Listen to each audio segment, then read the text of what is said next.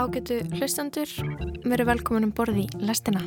Í þætti dagsins munum við kynast tónlistakoninni Ethel Kane, heyrum um bíómyndina sem hefur verið endurgerð oftar en nokkur önnur og mótmæla aðgerir sem eru bara platt. Margir voru brjálaðir yfir að Lysett skildi voga sér að tæta 10.000 pund á meðan breytar ganga í gegnum eitt versta efnahags ástand síðari ára. Fjölmarkir þekktir breytar lögðu orði í belg og nyggsluðust yfir aðtæfinu. Hann hefði frekar átt að gefa peningana fólki sem á ekki fyrir matum jólinn. Í bíó er náttúrulega einmitt endalust verið að endurgera þú veist klassísk leikrit og, og slíkt en, en kannski óæðilegt að skrítið eitthvað svona nýtt efni fari á svona rosalegt spó. Kirkja Söður Baptista fór ekki blíðum höndum um hana á hennar yngri árum þá sérstaklega ekki þegar hún tilkynnti 16 ára gömul að hún væri samkynneið og síðar að hún væri transkona. Ég heiti Kristján Guðjónsson og ég heiti Lóabjörg Björnstóttir og þetta er lastinn miðugudaginn 23. november.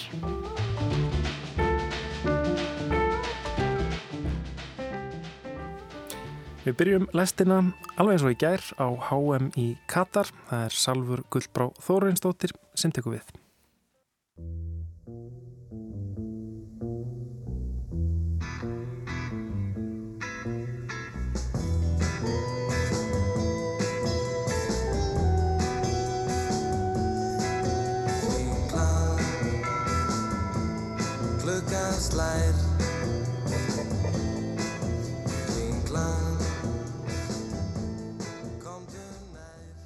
Þann 13. november byrti breski grínistinn Joe Lysette myndskeið á Twitter síðu sinni. Þar sést grínistinn sitja við borð fyrir framann bleikan bakgrunn og hann ávarpar einn áhrifamesta fókbóltamann heims. This is a message to David Beckham. I consider you, along with Kim Woodburn and Monty Don, to be a gay icon.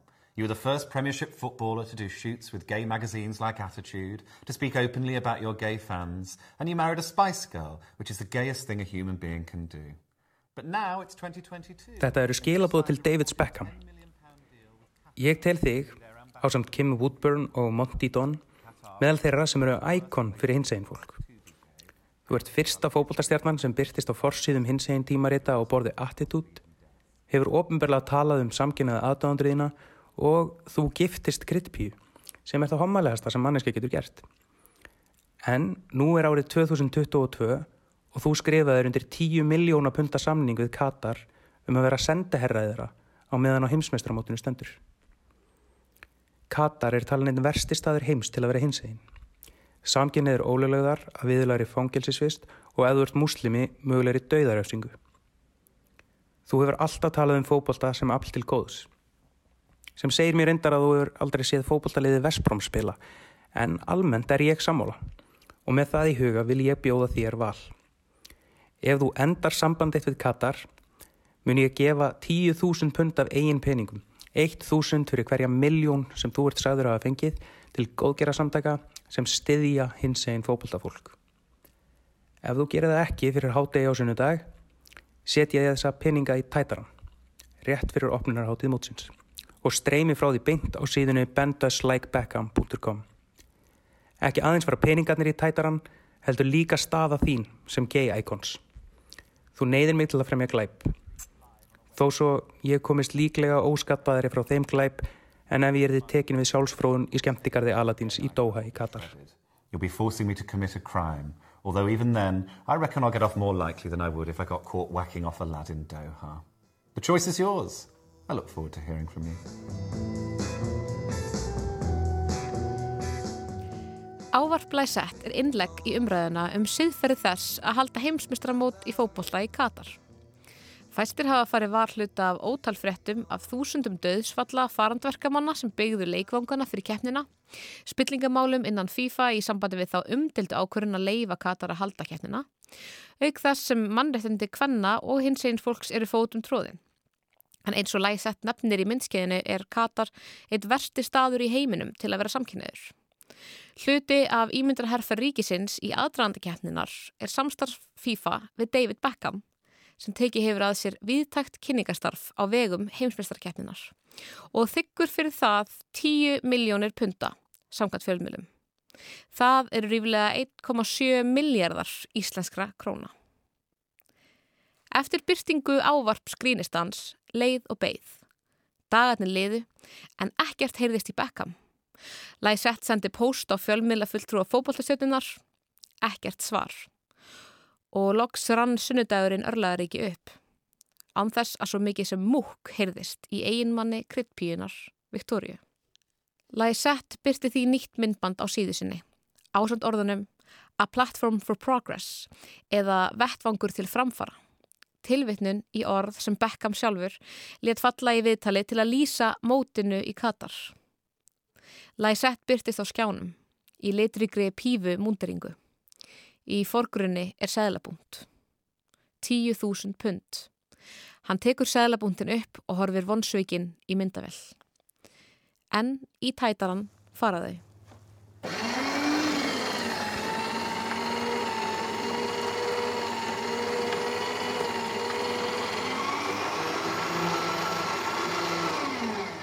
Þetta vakti mikla aðtegli í fjölmila í Breitlandi og skapaði heitar umræður meðal netverja. Margir voru brjálaðir yfir að Lysette skildi voga sér að tæta 10.000 pund á meðan breytar ganga í gegnum eitt versta efnahags ástand síðari ára. Fjölmargir þekktir breytar lögðu orði í belg og nextluðust yfir aðtæfinu. Hann hefði frekar átt að gefa peningana fólki sem á ekki fyrir matum jólinn eða börnum sem fá ekki jólagjafir eða hins einn fólki sem á ekki heimili og þar fram eftir gutunum. En þetta var allt í plati.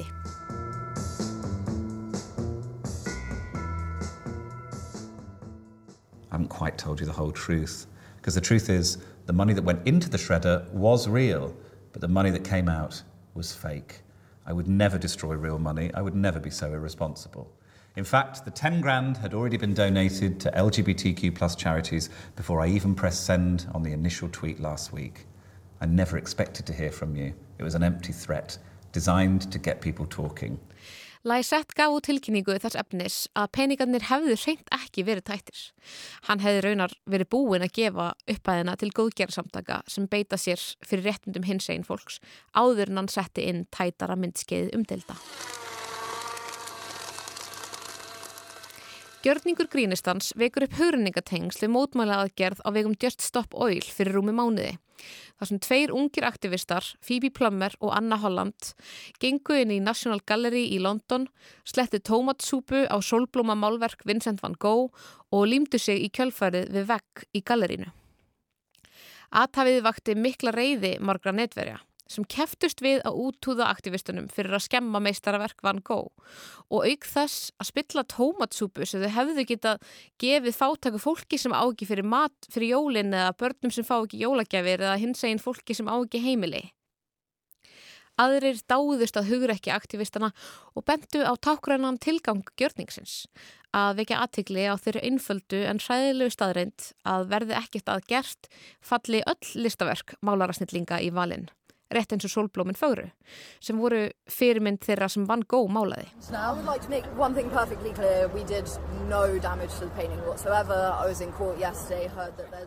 Ég vil koma einu og hreint.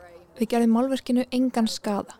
Ég fór fyrir rétt í gær og fekk að vita að það hafi aðeins orðið minniháttar skemdir á rammanum sem er auðvelt að gera við. Málverki sjálft var ekki fyrir nokkrum skemdum, það var á bakvið gler og við hefum aldrei gert þetta ef við hefum ekki vitað að svo var í raunin.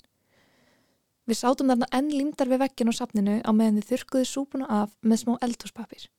Ég átti mig á því að aðgerinn gæti vist faranleg og ég er sammála, hún er það, en við erum ekki hvetja fólk til þess að henda súpu á málverk. Við erum að koma samtalan á stað svo við getum spurt spurninga sem skipta virkilegu máli. Eins og er í lægi að Liz Truss sé að gefa út meira en 109 leifi til að bóra eftir ólju, er í lægi að kólefna eldsneti sé niðugreitt 30 sunum meira en endurníjanleg orka þó vindorka á hafi sé 10 sunum ódýrari en ólja og gas. Is it okay that fossil fuels are subsidized 30 times more than renewables when offshore wind is currently 9 times cheaper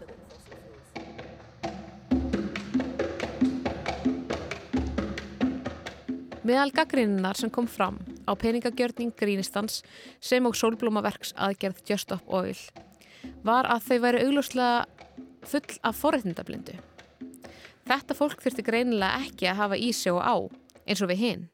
Þau hefðu tíma og efni á að sinna málstannum og væri því í algjörði forréttindastöðu. Það er einar alveg rétt. Það þarf að búa við ákveðin forréttindi til að geta framkvæmt þessar aðgerðir. Joe Lysette er efnaður og vinsælt grínisti og Emma og Phoebe gengu í fína engaskóla, sagði einhver. Kanski finnst þessum gaggrínisröttum loftlagsvandin vera vandamál fátakafólksins og að einhver leiti hefur það auðvitað rétt fyrir sér. Loftlagsvandin sem og mannreitndabrót Katars koma jú varst niður á fátæku og jáðarsettu fólki. You will not be able to stay home, brother. You will not be able to plug in, turn on, and cop out. You will not be able to lose yourself on Skag and skip out for beer during commercials because the revolution will not be televised. The revolution will not be televised. The revolution will not be brought to you by Xerox in four parts without commercial interruptions. The revolution will not show you pictures of Nixon blowing a bugle and leading a charge by John Mitchell, General Abrams, and Mendel Rivers to eat hog maws confiscated from a Harlem sanctuary. The revolution will not be televised. Fólk er tilbúið til að vera reitt yfir 10.000 pundum í tætara. Ætli það sé því það ímynda sér að David Beckham sé að gera eitthvað annað og þarfara við peningana sína en að setja það í tætara. Eða er það því við teljum okkur geta skammað unga loftlagsaktivista til hlýðinni? Ef við segjum þeim bara hvað hugmyndið þeirra eru heimskulegar, þá hætti þau að sulla tómatsúpu. En við höfum ekki vald til að skamma stórfyrirtæki sem er að eigða jörðinni með kólefnislósun sinni á sama hátt. Eða öll þessi fyrirtæki sem henda miljónum lítra tómatsúpu á hverjum degi. There will be no pictures of pigs shooting down brothers on the instant replay. There will be no pictures of Whitney Young being run Hvað sem okkur finnst um lögmæti sólblómagjörningsins er erfitt að finna loftlagsmótmæla aðgerð á síðustu árum sem hefur vakið jafn mikla aðtigli og umtal. Kanski síðan Greta Thunberg og ungd fólk í miljónatali um allan heim neytaði að fara í skólan á hverjum föstu degi og mótmælti aðgerðarleysi stjórnvalda í loftlagsmálum. Ef tilgangurinn var að vekja umtal, tókst það í það minnsta. Aðtegli í okkar heimi er fengin með því að búa til myndefni sem verður væral, fer út um allt á internetinu. Að því leiti voru þessi tákurinnu gjörningar svo sannarlega árangursvíkir. En þessi gjörningar eiga sameinlegt að vera sjónarspill. Látast gera eitthvað sem þeir gerðu ekki. Ekkert málverk var eðilagt. 10.000 pundin voru óhullt. Er þetta hinn nýja bylgja beitna aðgerða? Plat aðgerðir? Og hvað gerist þá þegar fólk er orðið vandi að þegar einhver segist ætla að gera eitthvað drastíst gerir það það ekki í raun? Hætta þessi gjörningar að hafa áhrif þegar fólk áttar sig á að það er hægt að feika þá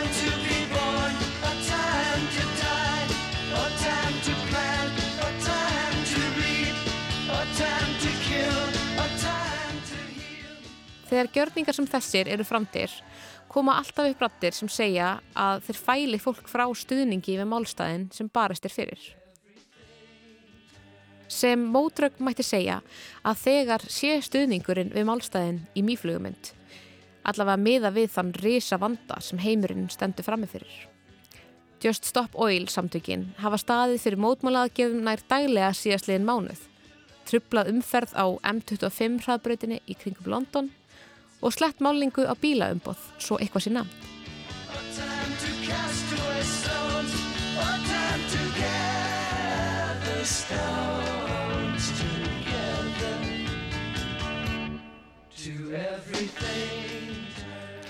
Viku eftir að tómatsúpunni var slett á sólblómin sá ég á síðu Scientist Rebellion en það eru samtök vísindamanna sem skipulegja beinar aðgerðir til að veikja aðtikli á hamfarlínun að 15 vísindamenn höfðu bókstallega límt sig við gólfið í síningarsal Porsche bílaumbóðs í Þýskalandi. Þeim er alvara og eru tilbúin til að gera hvað sem er til að ná aðtikli okkar. En það er málstæðurinn upp á líf og dauða. Hvað varðar þær rattir sem segja jafnvel plat aðgerðnar sem ég fjalla um vera oflant gengnar þó þar hafi yngum skadavaldið? Hversu stutt er hægt að ganga með góðri samvisku? Á mánudag gáfu Evrópsku fókbaltasamböndin sem taka þátt í heimsmestramótinu út yfirlýsingu þess efnis að þau veru hægt við að sína hins einn fólki stuðning með því að ganga með regnbúa arband inn á völlin í fyrirhugðum leikjum á mótinu. Áður höfðu samböndin sagst ætla að gera það, jafnvel þó það gæti haft í för með sér sektir fyrir fótboltasamböndin. Þau myndu glöð borga það gjald fyrir samstöðu með hins einn fólki, sögðu þau. En svo kom í ljós að FIFA hýðist ekki aðeins sekta samböndin heldur dæma leikmenn úr leik eða gefa gullt spjald og þá bökkuðu fótboltasamböndin. Sekt hefði verið þægilegur fórnarkostnaður. Rétt einsók þegar Rúf gætt klappa sér á bakið fyrir flökkun hatara í Eurovision í Ísrael því þau borguðu glöð sektina. Ef til vill hefði þurft að afneita hljómsveitinni ef stönd hatara hefði haft þau áhrif að Íslandi hefði verið vísað úr keppni. Þá hefði stöndi kannski allt í henni verið of stórt, of erfitt. Við góða fólkið erum alveg til í að sína ofsóttum hópum stuðning svo lengi sem það er ekki of mikið vesen. Hvenar höfu við góðu þjóðunar sem segjumst halda með mannrettindum tekið þátt í heimsmótum, Eurovision, stjórnmálasambandi við ríki sem beitir jaðarhópa ofbeldi og það hefur borið einhvern árangur. Mun Katar sjá að sér að því að við ætlum að taka samtalið um mannrettindabrotin á meðan og eftir að þau eiga sér stað. Hendum smá peningi í batteriði í viðbót og sínum stuðning. Þetta er jú, eins og Beckham segir, vettvangur til framfara. 25 years and my life is still trying to get up that great big hill of hope for a destination. I realized quickly when I knew I should that the world was made up of this brotherhood of man. For whatever that means.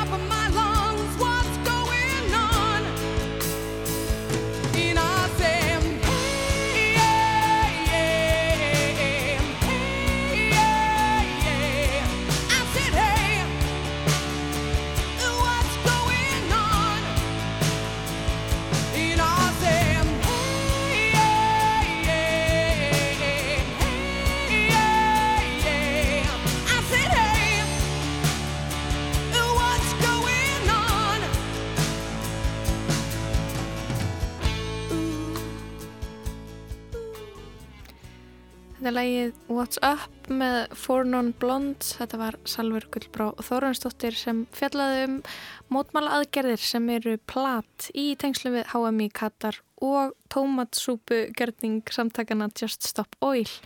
Karitas Mörtudóttir, Bjarkadóttir og Hjalti Vigfússon, Lásu.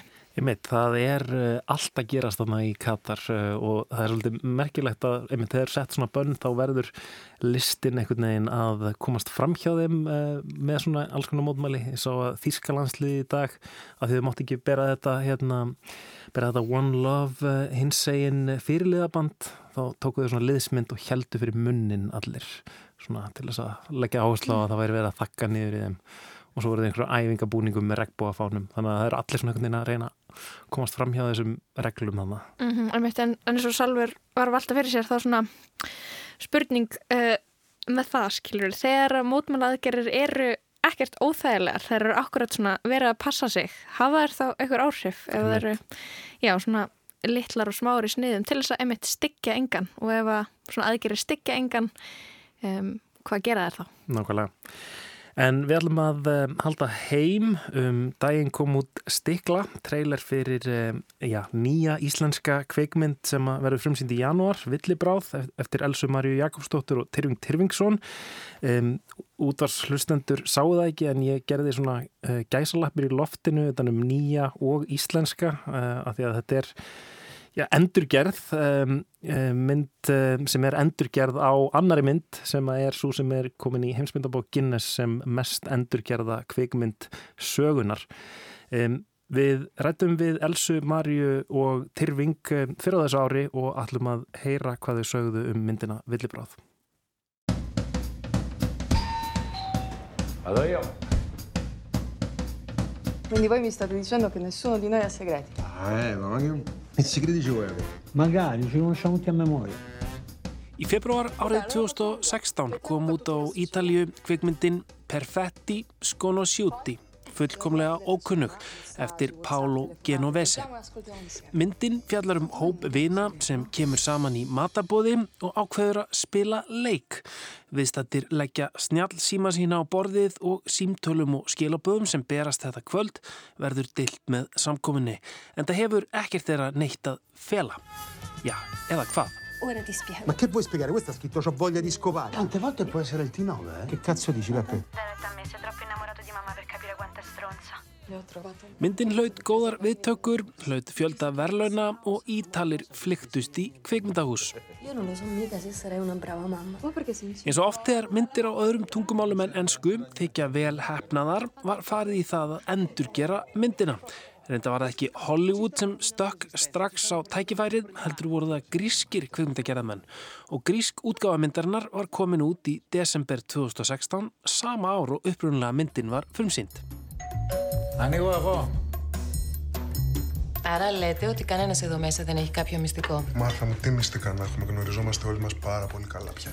Bandarísti fyrirtæki treyði sér næst réttin og leitt allt út fyrir að ennsk útgáfa myndinni yrði gerð næst og mögulega yrði þannig aðrar endigerðir óþarar. En í oktober 2017 var eigandi fyrirtækisins uppvís um fjölda kynferðisbrota. Their claims that Harvey Weinstein sexually harassed or assaulted them. Framleiðsla á enskri útgáfu myndarinnar frestaðist en hins vegar fjölgaði endurgerðum á öðrum tungumálum rætt og öruglega. 2017 kom spænsk útgáfa No podíamos haber ido a cenar a un restaurante. Si quieres cojo esta mierda, la tiro por el fregadero y pedimos las pizzas. 2018 kom tyrknesk endurgerð Gelen ne varsa WhatsApp, mesaj, konuşma. Herkes herkesin duyacak ve görecek. Nasıl olsa. Og frönsk. Allez, moi je joue. Faut arrêter avec les jeux. La dernière fois qu'on a joué au Trivial Pursuit, on a failli se battre. Ungversk Nikivel, úgy néz ki, mint aki lenyelt egy válfát. Arra te ugye? Egy párterapeuta. og þá fór myndin að dreifast út fyrir Evrópu, næst kom indversk útgáfa.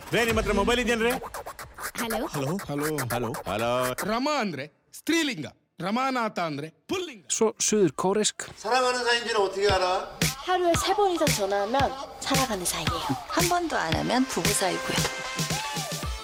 mexikósk.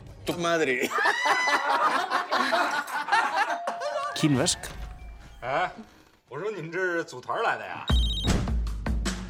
哎，我说各位啊， Í júli árið 2019 var myndin skráð í heimsmetabók Guinness sem svo kvikmynd sem hefur oftast verið endurgerð. Og áfram fjölgaði útgáfanum pólsk, þísk, armensk, rúsnesk, vietnamsk, japansk, rúmensk, hollensk, ísraelsk, teknesk, arabísk, norsk og örglega einhverjar fleiri. Og nú styttist loksins í íslenska útgáfa myndinni, Villibráð. Allir að segja egglos! Akkur er Matti minn að senda þér skilabóð? Ég bara veit það ekki. Ef að taka þess að mynd.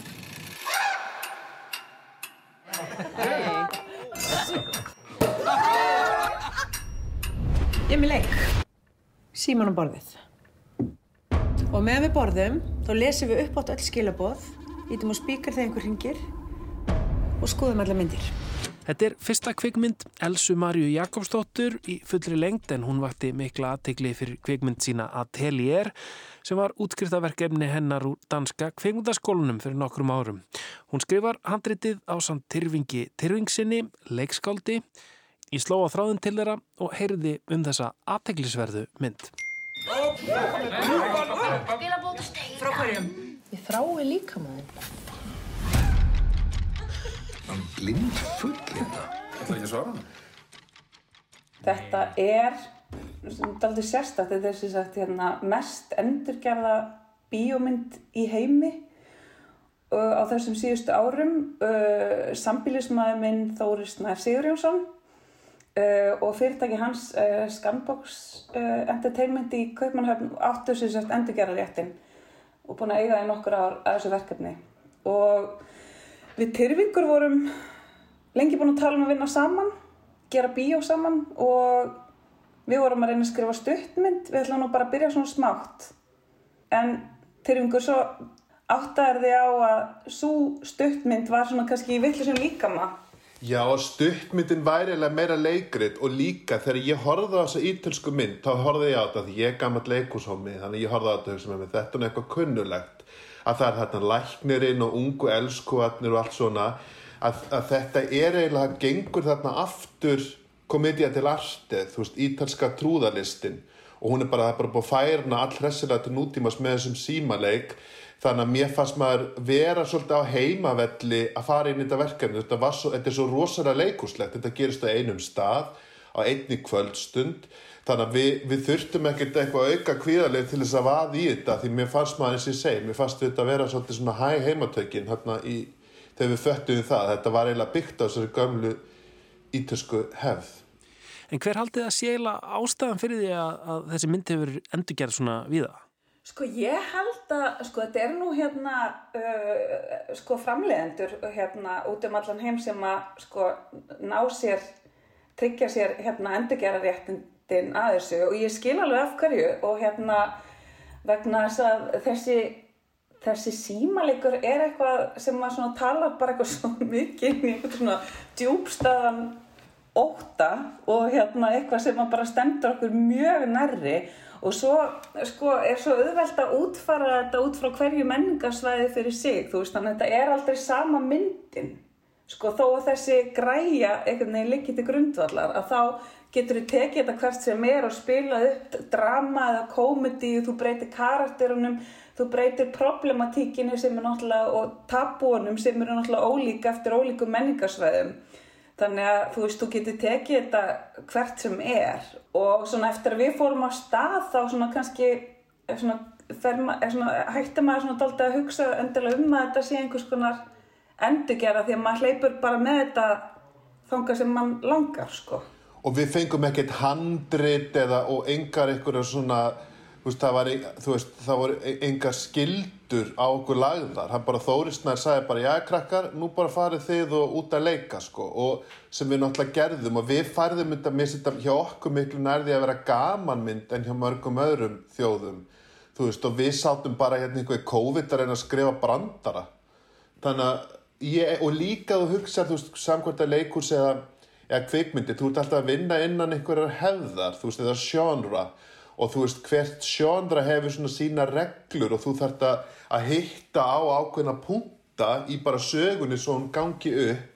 Og mér fannst þetta ekkit mikið ólíkt því að skrifa harmleik til dæmis þar sem hún þarft að hitta á þessu ákveðnu punta og það er svolítið eins í þessu að hérna mér fannst við ekkit vera aðbytt eftir. Fyrir mér er þetta alveg okkar mynd þótt að þetta sé, þú veist að líkit í grundallar einmitt þessi svona ítalska skemmtilega hugmynd, þú veist En hérna, þetta er náttúrulega svona svolítið svipað eins og er kannski miklu algengara í leikhúsinu að, að þegar það kemur hérna, eitthvað spennandi verk þá, þá er það sett upp út um allan heim en maður bara, mað kannast ekki við þetta úr bíómyndunum og þannig að þetta svona hérna, vekur einhvern veginn aðtegli að þýlitinu til sko. En þetta er náttúrulega gert í sjónvarpi eins og til dæmis Office sem er til í Breitlandi og síðan til í Bandaríkjónum líka trúðurinn danski það er hollensk útgáð því þannig að þú veist það er Já, þar, þar hefur við náttúrulega séð þetta líka. Svo var náttúrulega að vera eins og endur gera bara síns fram að Merritt hérna Bergman um daginn og hérna og búið að uppfæra það einhvern veginn, einhvern veginn yfir á Ameríku og nýja tíma sko. Þannig að þú veist, jú, jú, það þekkist svo sem alveg sko og þú veist og í bíó er náttúrulega einmitt endalust verið að endur gera þú veist klassísk leikrit og og slíkt, en, en kannski óæðilegt að skrítið eitthvað svona nýtt efni fari á svona rosalegt spól. Og það hefur bara einhvern veginn með held ég einmitt þess að síma gera sem að er samt miklu svona djúbstara og sannara og hræðilegra einhvern veginn af því að það sem okkur fannst svona gaman þegar við fórum að skoða onni í þetta eða allavega hlupum vitaldi með það að þú veist einhvern veginn ofan í símanum einhvern veginn gröfum við einhvern veginn svona alla óra og bælingar og allt sem að má ekki vera uppi á borðinu. Og þarna er einhvern veginn búin til, búin til einhverja aðstæður þar sem að sko þú þarft ekki að elda karaktera út um borg og bæi við tíma til þess að koma þeim í einhverja situasjónir sem að sko revíla einhverja sögu og, og kalla fram karakter, þú veist, láta á það að reyna heldur bara gerist þetta bara allt með þessum hræðilega leik bara við eitt borð og bara gjörðu svo vel og það er einhvern veginn reynt á þetta fólk til hins ídrasta. Já, sí- síminn er í raun orðin eins og einhver svona bara undir meðutundin okkar og, og, og þannig, já, er hún, er hún lögð fram á borðið. Eða svona svo völusbá því að þú, þú ert með símón þar sem að síðan mun fara úrskeiði svolítið og ég meina þetta er svona að við erum einhver leiti líka bara búin að útýsa kvatalífinu að það er einhvern veginn búið að koma þér snirtilega fyrir í þessa litlu buttu þarna sem hann er með í vasanum en auðvitað síður upp úr þú veist og, og þetta svona tvöfalda líf sem ég held að margir lifi og maður getur svo sem maður er tengt við. Annars er bara borgarlegt líf og svo eitthvað svona fantasían sem er hérna sem einhvern veginn lifur á internetinu. Og að þetta tvent og það er erfitt að sætta þetta tvent þannig að úr verður svona svolítið hverstaslegur óheiðarleiki sem ég held að við séum svolítið að tala um og náttúrulega svolítið mikið líka að gera grínað Og það sem er líka svo sjarmirandi sko við hennan leik er að hérna, já, að sérst gestgjafinn sem að hún Nína Dögg Filipusdóttir leikur. Og það er hún sem einhvern veginn sko ítir samkomin einhvern veginn út í hennan hræðilega leik og hérna og allir þykjast vera með hreina skjöld, þetta sé ekkert mál. Og hérna í okkar heit, kallar hún leikin með allt á hreinu. Og, og auðvitað, auðvitað hafa allir eitthvað að fela. Og það sem er svo skemmtilegt við þetta og gerir þetta svo miklu bíóið að það er svo unarslegt að horfa á fólk ljúa.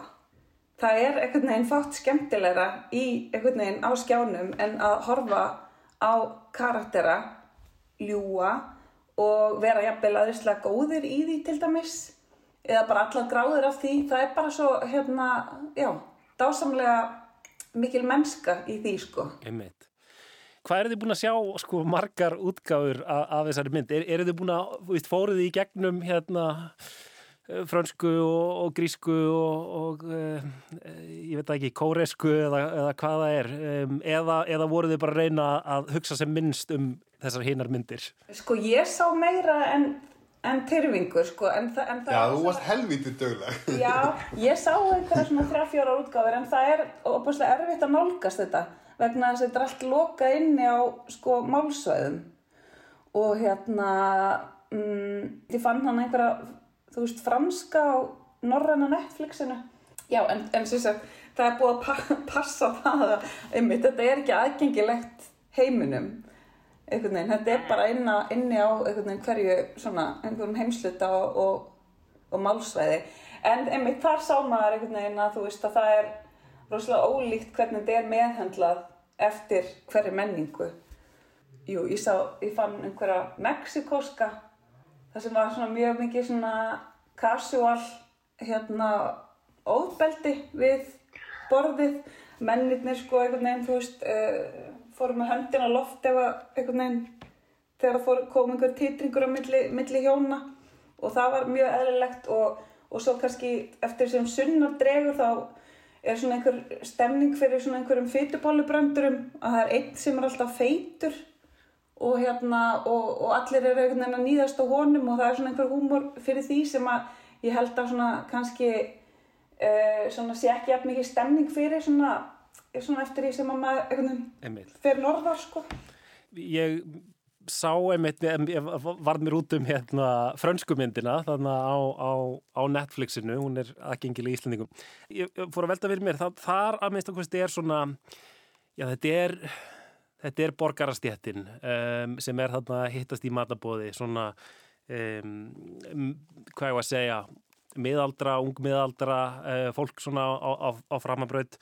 Um, ég sá einmitt einhverja umræður bara fyrir örfóðum dögum þar sem að var að kvarta yfir að íslensk kvikmyndager væri ekki búin að sko takast á við svona e, lindarmál og, og, hérna, og, og, myrkrið í borgarastjættinni ein, eins og kannski e, evróska þjóðir hafa gert. E, eru þið þarna að e, já, leita onni, onni einhvern veginn sálarfylsni íslensku borgarastjættarinnar?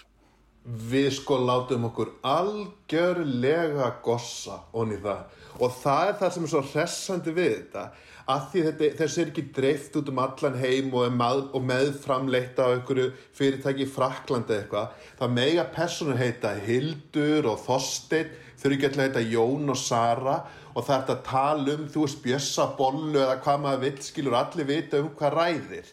Þannig að það- mér finnst það svo mikilvægt. Ef þú ætlar að kafa von í borgarastéttina þá þarf það að gera það í smáatriðum. Og við getum gert það með, í öllum smáatriðum þarna af því að þetta er einmitt lokað á þessu litla menningarsvæði. Það eru Íslendingar og okkur örfa og hræður í Danmörku sem munu sjá þetta og aðrir ekki. Þannig að hérna við, hérna við fáum að vera svolítið í svona einhvern veginn leyndó onni hérna, nærbúsnarskúfónum hjá borgarastéttinu og það fannst mér ótrúlega, ótrúlega skemmtilegt. Og líka veist, oft hvart undan því að það er alltaf verið að djöflast í fólki utan að landi. Þetta er bara, þú veist, þetta er bara reykingurinn tekið fyrir og káar fánin og ég veit ekki hvað og hvað sko. Að vera að snúa vörn í sókn, mætti segja. Þetta er fyrsta myndin þín í fullri lengt, Elsa. Hvernig var að, koma heim eftir, eh, eftir kvikmyndanám í Danmörku og, og leikstýra bestu leikurum þjóðarinnar? Sko, mér fannst þetta bara svona, eins og þetta átti alltaf að vera, bara svona eins og vendaði vinnustæður. Þetta gerist allt einhvern veginn, þú veist, í, við tókum þetta allt í stúdjói hérna í Reykjavík og hérna byggðum þar uh, þetta einbýlishús þar sem að hérna, við svona vorum að elta uh, einhvers konar hús hérna í, í skerjafyrðinum og að vera að vinna með hérna bara hæfileikaríkasta fólkin okkar öll, á öllum póstum og með eitthvað í höndunum sem ég fannst hérna handrið sem að ég treysti rosalega vel og var rosalega gaman að vinna. Já þá var þetta bara ótrúlega hérna ánægilegt ferli í alla staði og hérna já bara óbáslega hérna já eitthvað svona vendað og skemmtilegt og ég hérna það var rosalega gaman líka hjá okkur tyrfingi að skrifa þetta. Þetta var svona COVID-verkefni við byrjuðum á þessu einhvern veginn vorum að læra á Zoomið og einhvern veginn höfum alltaf alltaf að vinna saman en einhvern veginn, þú veist, landamæri höfðu gert það einhvern veginn að, að, hérna, að okkur fannst ómögulegt en svo kemur bara COVID og þurkar út þessi landamæri og það kemur þetta á Zoom sem við erum með að tala á núna. Og þá var þetta ekkert mál og við erum bara eitthvað búin að vera eitthvað að, hérna, að skemmt okkur konunglega yfir þessu efni. Og mér fannst það bara einhvern veginn sko, þýðast og skila sér. Og mér fannst svona einhvern veginn auðvelt að fá fólk einhvern veginn með í þá stemningu sko, hérna þá sem komu að þessu. Og það er bara eitthvað að lifti svo miklu þegar maður finnur að þú veist að það eru allir einhvern veginn um borð og þú veist það eru einhvern veginn allir einhvern veginn að skilja þetta og hérna, já það bara gerir allt svo hérna miklu auðveldara og skemmtilegra. Ég meit. Tyrfingur, þetta er þitt fyrsta kvikmyndahandrit. Hvernig, hvernig var að um, vinna í, í þennan miðil frekar en leikhúsið? Sko, fyrsta viðbrað mér, ég ætla að vera alls amma gunna og febri, æ, ég veit það ekki, ég er, hvað er ég alltaf að glenna mig og svona eitthvað. Þegar það var búið og komin yfir það, þá einhvern veginn fór þetta bara, þetta gekk eitthvað svo vel. Þú veist, það var náttúrulega rosalega gaman hjá ykkur, Elsu Maríu, að því mikið af þessu sem að rata að loka minni í þetta handið var bara eitthvað slúður.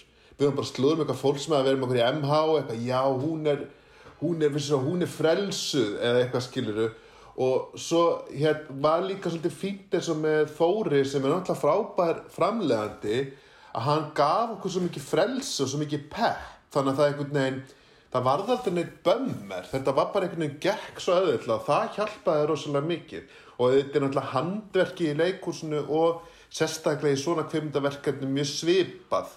Og það sem að mig vantaði svona í ykkur útsjónasemi það gæti svolítið Elsa Maria bara bent mér á skiluru, þannig að það, ég held að það hefði líka hjálpað. Þetta var svona það var svolítið svona heimilisiðnaður sem ég held að hafi svolítið verið triksi þannig að mér, mér fannst ég aldrei verið einhvern veginn að ég skilur eitthvað einn út á túnni Þú nærbuksna laus á fundin til að hösla ykkur kuna. Þú ert að fara heim. Stopp, ekki snerta símuna. Við erum að skipta aftur á sími. Blindaðir. Er þetta fáránlega ömurlegur fokking leikur? Þetta er kannski sem við rassin. Þetta var ekki hljóð í mér. Nei, nei, nei. Um, þetta var uh, stikla úr kveikmyndinni Villibráð sem að verður frumsýnd eftir einhvern einn og hálfan mánuð í janúar. Um, Þannig var rætt við Tyrfing Tyrfingsson og Elsu Marju Jakobsdóttur uh, leikstjóra. Þetta er viðtalfræði í janúar á þessu ári. Já, og úr kvikmyndunum þá fyrir við yfir í tónlist Ástís Sól Ágústóttir rínir í texta á nýri plötu tónlistakonunar Ethel Kane, Preacher's Daughter. Windows already passed, so he's shooting at the glass, keeping guns in his locker, and he denies it. Tónlistarkoninni Ethel Kane tókst að snara mig inn í hljóðheimsinn fyrir haust með hennar mildu rödd og margvísandi texta. En mér þótti skrítið að ég hafði aldrei áður heyrt hennar getið. Mér fannst þið nefnilega að deila einhverjum gildum. Framanaf voru þau einungis fagufræðileg eins og brúntónaðar ljósmyndir sem skreita plötur hennar en þær minna á fjölskylduljósmyndir úr óræðri fortíð. Og yfir þeim er alltaf því drungalegur blær. Personan Ethel Kane er yfirleitt nokkuð gamaldags til fara. Hún klæðist oft síðum, hvítum blúndukjólum með slett skólitað hár sem er vel greitt aftur fyrir eyru.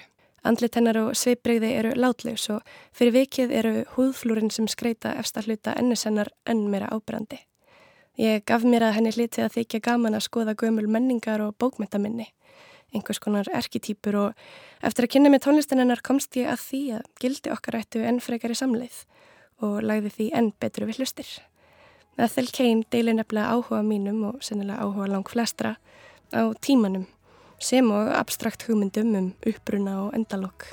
Þetta var mér ljóst frá blá byrjun eða frá því að ég fyrst hlustaði á lagið Crush sem vekur upp sterka nostalgíu tilfinningu.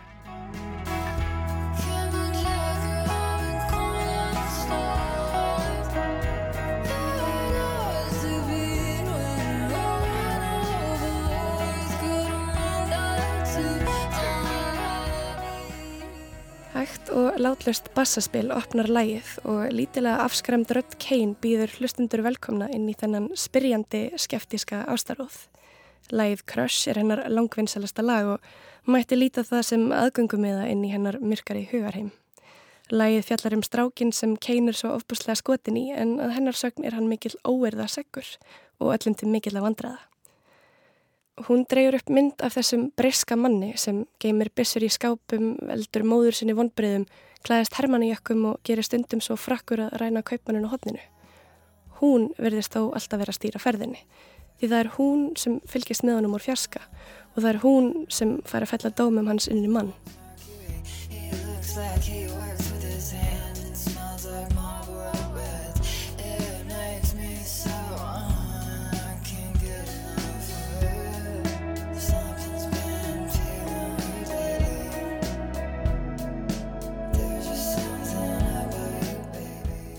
Lægið Crush býr yfir ákveðnu áreynsluleysi sem á marka í umli og tuldri textans sem á einstakar stunum. Með svipuðu áreynsluleysi text henni að velta fyrir sér hliðstæðum og mótsögnum. Eitt sem personan Ethel Kane verður skilja er að tvent getur verið satt á sama tíma. Eitt útilokar ekki annað. Því getur strákurinn sem hún er skotin í verið bæði ágengur en vingulslegur á sama tíma. Hann verðist geta sagt frá því stoltur og sjálfsörökur að pappi hans býði döðarefsingar. Þetta segir hann vist með bringuna sperta út í loftið. En á sama tíma og hann getur verið stoltur og hugaður þá á hann líka erfitt með að setja mörg og segja nei. Henni finnst hann vera hálf ræfilslegur þegar hún segir að hann geti varla steitt nefa og barist til að bjarga í einn skinni. En þrátt fyrir það finnst henni hann vera bara svo kúl. Að lokum gerir hún upp haugsinn og tilkynir honum og hlustundum að Góðir menn deyja og þess vegna vilji hún heldur vera með honum.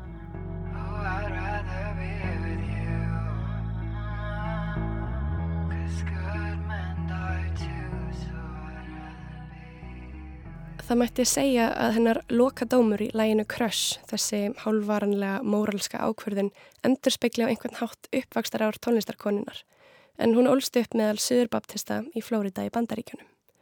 Ethel Kane, personan sem við höfum fengið að kynnast, er einmitt persona. Hún er á mörgum þess að vera skálduð en best var ég að lýsa henni sem alter ego sem stendur anspenni stúlku sem heitir Hayden Anhedonia. Personan Ethel Kane virðist ætlið Anhedonia til valdeflingar en það má segja frá því að kirkja Suður Baptista fór ekki blíðum höndum um hana á hennar yngri árum. Þá sérstaklega ekki þegar hún tilkynnti 16 ára gömul að hún væri samkynneið og síðar að hún væri transkona. Hell is at the end of a Christ rejecting life. Where's hell? It's waiting. It's been around a long time. Your little 50, 60, 70, 80, 90 years is not even a breath to hell. It was there when your great, great, great, great grandfather and grandmother were alive. And they were dying then and going to hell. I've often thought about this when I walk through old graveyards. I look at the old tombstones. Trúin og trúarleg gildi hafa sett svip á líf og list Anhedonia en í nýjustu plötu hennar, The Preacher's Daughter, sem kom út fyrir á þessu ári, er trúarlegt myndmál meira í forgrunni. Í fyrsta lagi plötunar sem heitir Family Tree, intro, notfærir Kane sér ansi myrt myndmál til þess að lýsa skilnaði sínum við trúna og þeim hugreiningum sem lifa enn í líkama hennar. Jesus can always reject his father,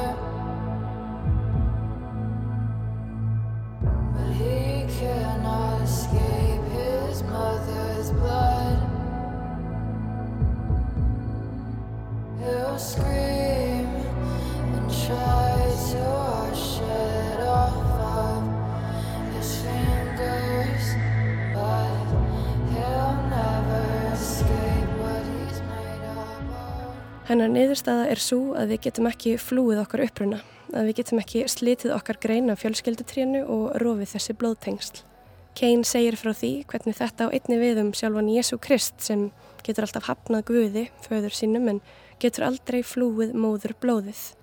Gerður er því greinamunur á þessu tvennu, trúnni og fjölskyldinni, stopnuninni og upprunanum, hugmyndinni og holdinu.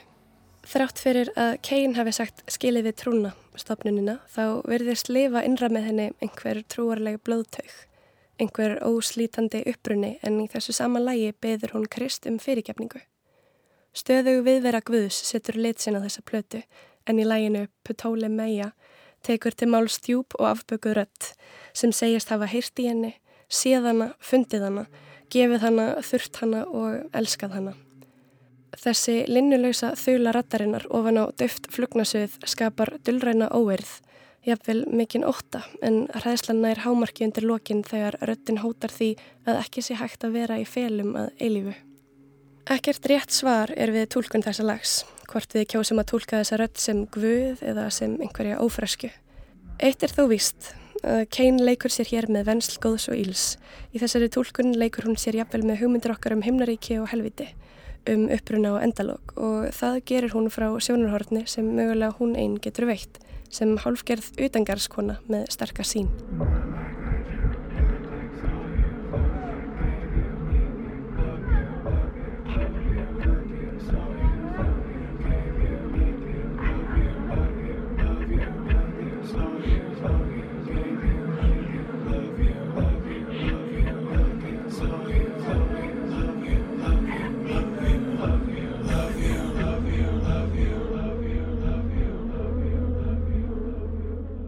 Hið forvitna stef um hvað er gott og illt og hvað er rétt og rangt heldur áfram í læginu Gibson Girl en eftir drömkjent undirspil ramagsgítar sem mætti segja að kæmi beint upp úr handbók Lana Del Rey syngur hún við hjarsláttar trommutaktum ástina og hvað gerist á bakvið luktar dyr.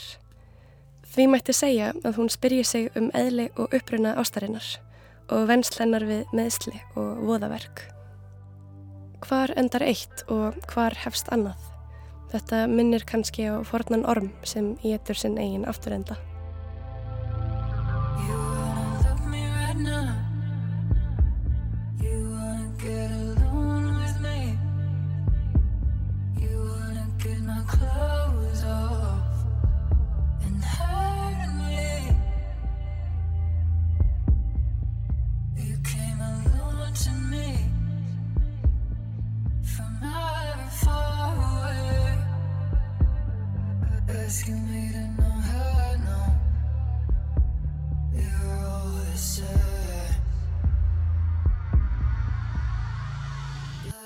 Algeng tólkun á plötunni Preacher's Daughter meðal aðdóenda Kane er að söguhetjan lendi í miklum hremmingum en margir vilja meina að henni sé rænt.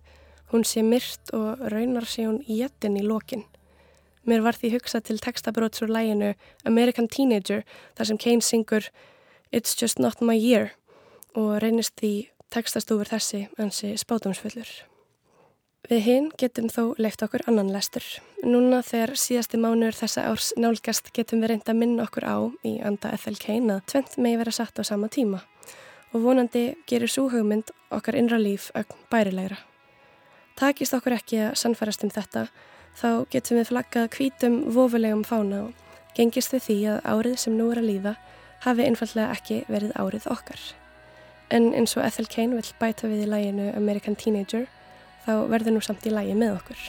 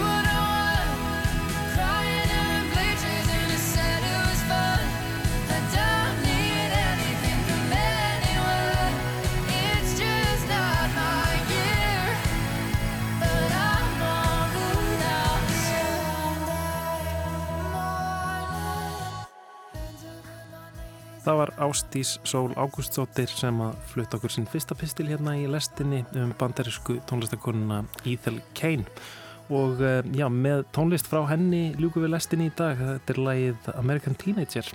Tæknmenn lestrannar í dag voru tveir, það voru þær Lítja Gretastóttir og Jóhanna Varsúka. Við Kristján og Lóa þakkum fyrir í dag, verið sæl.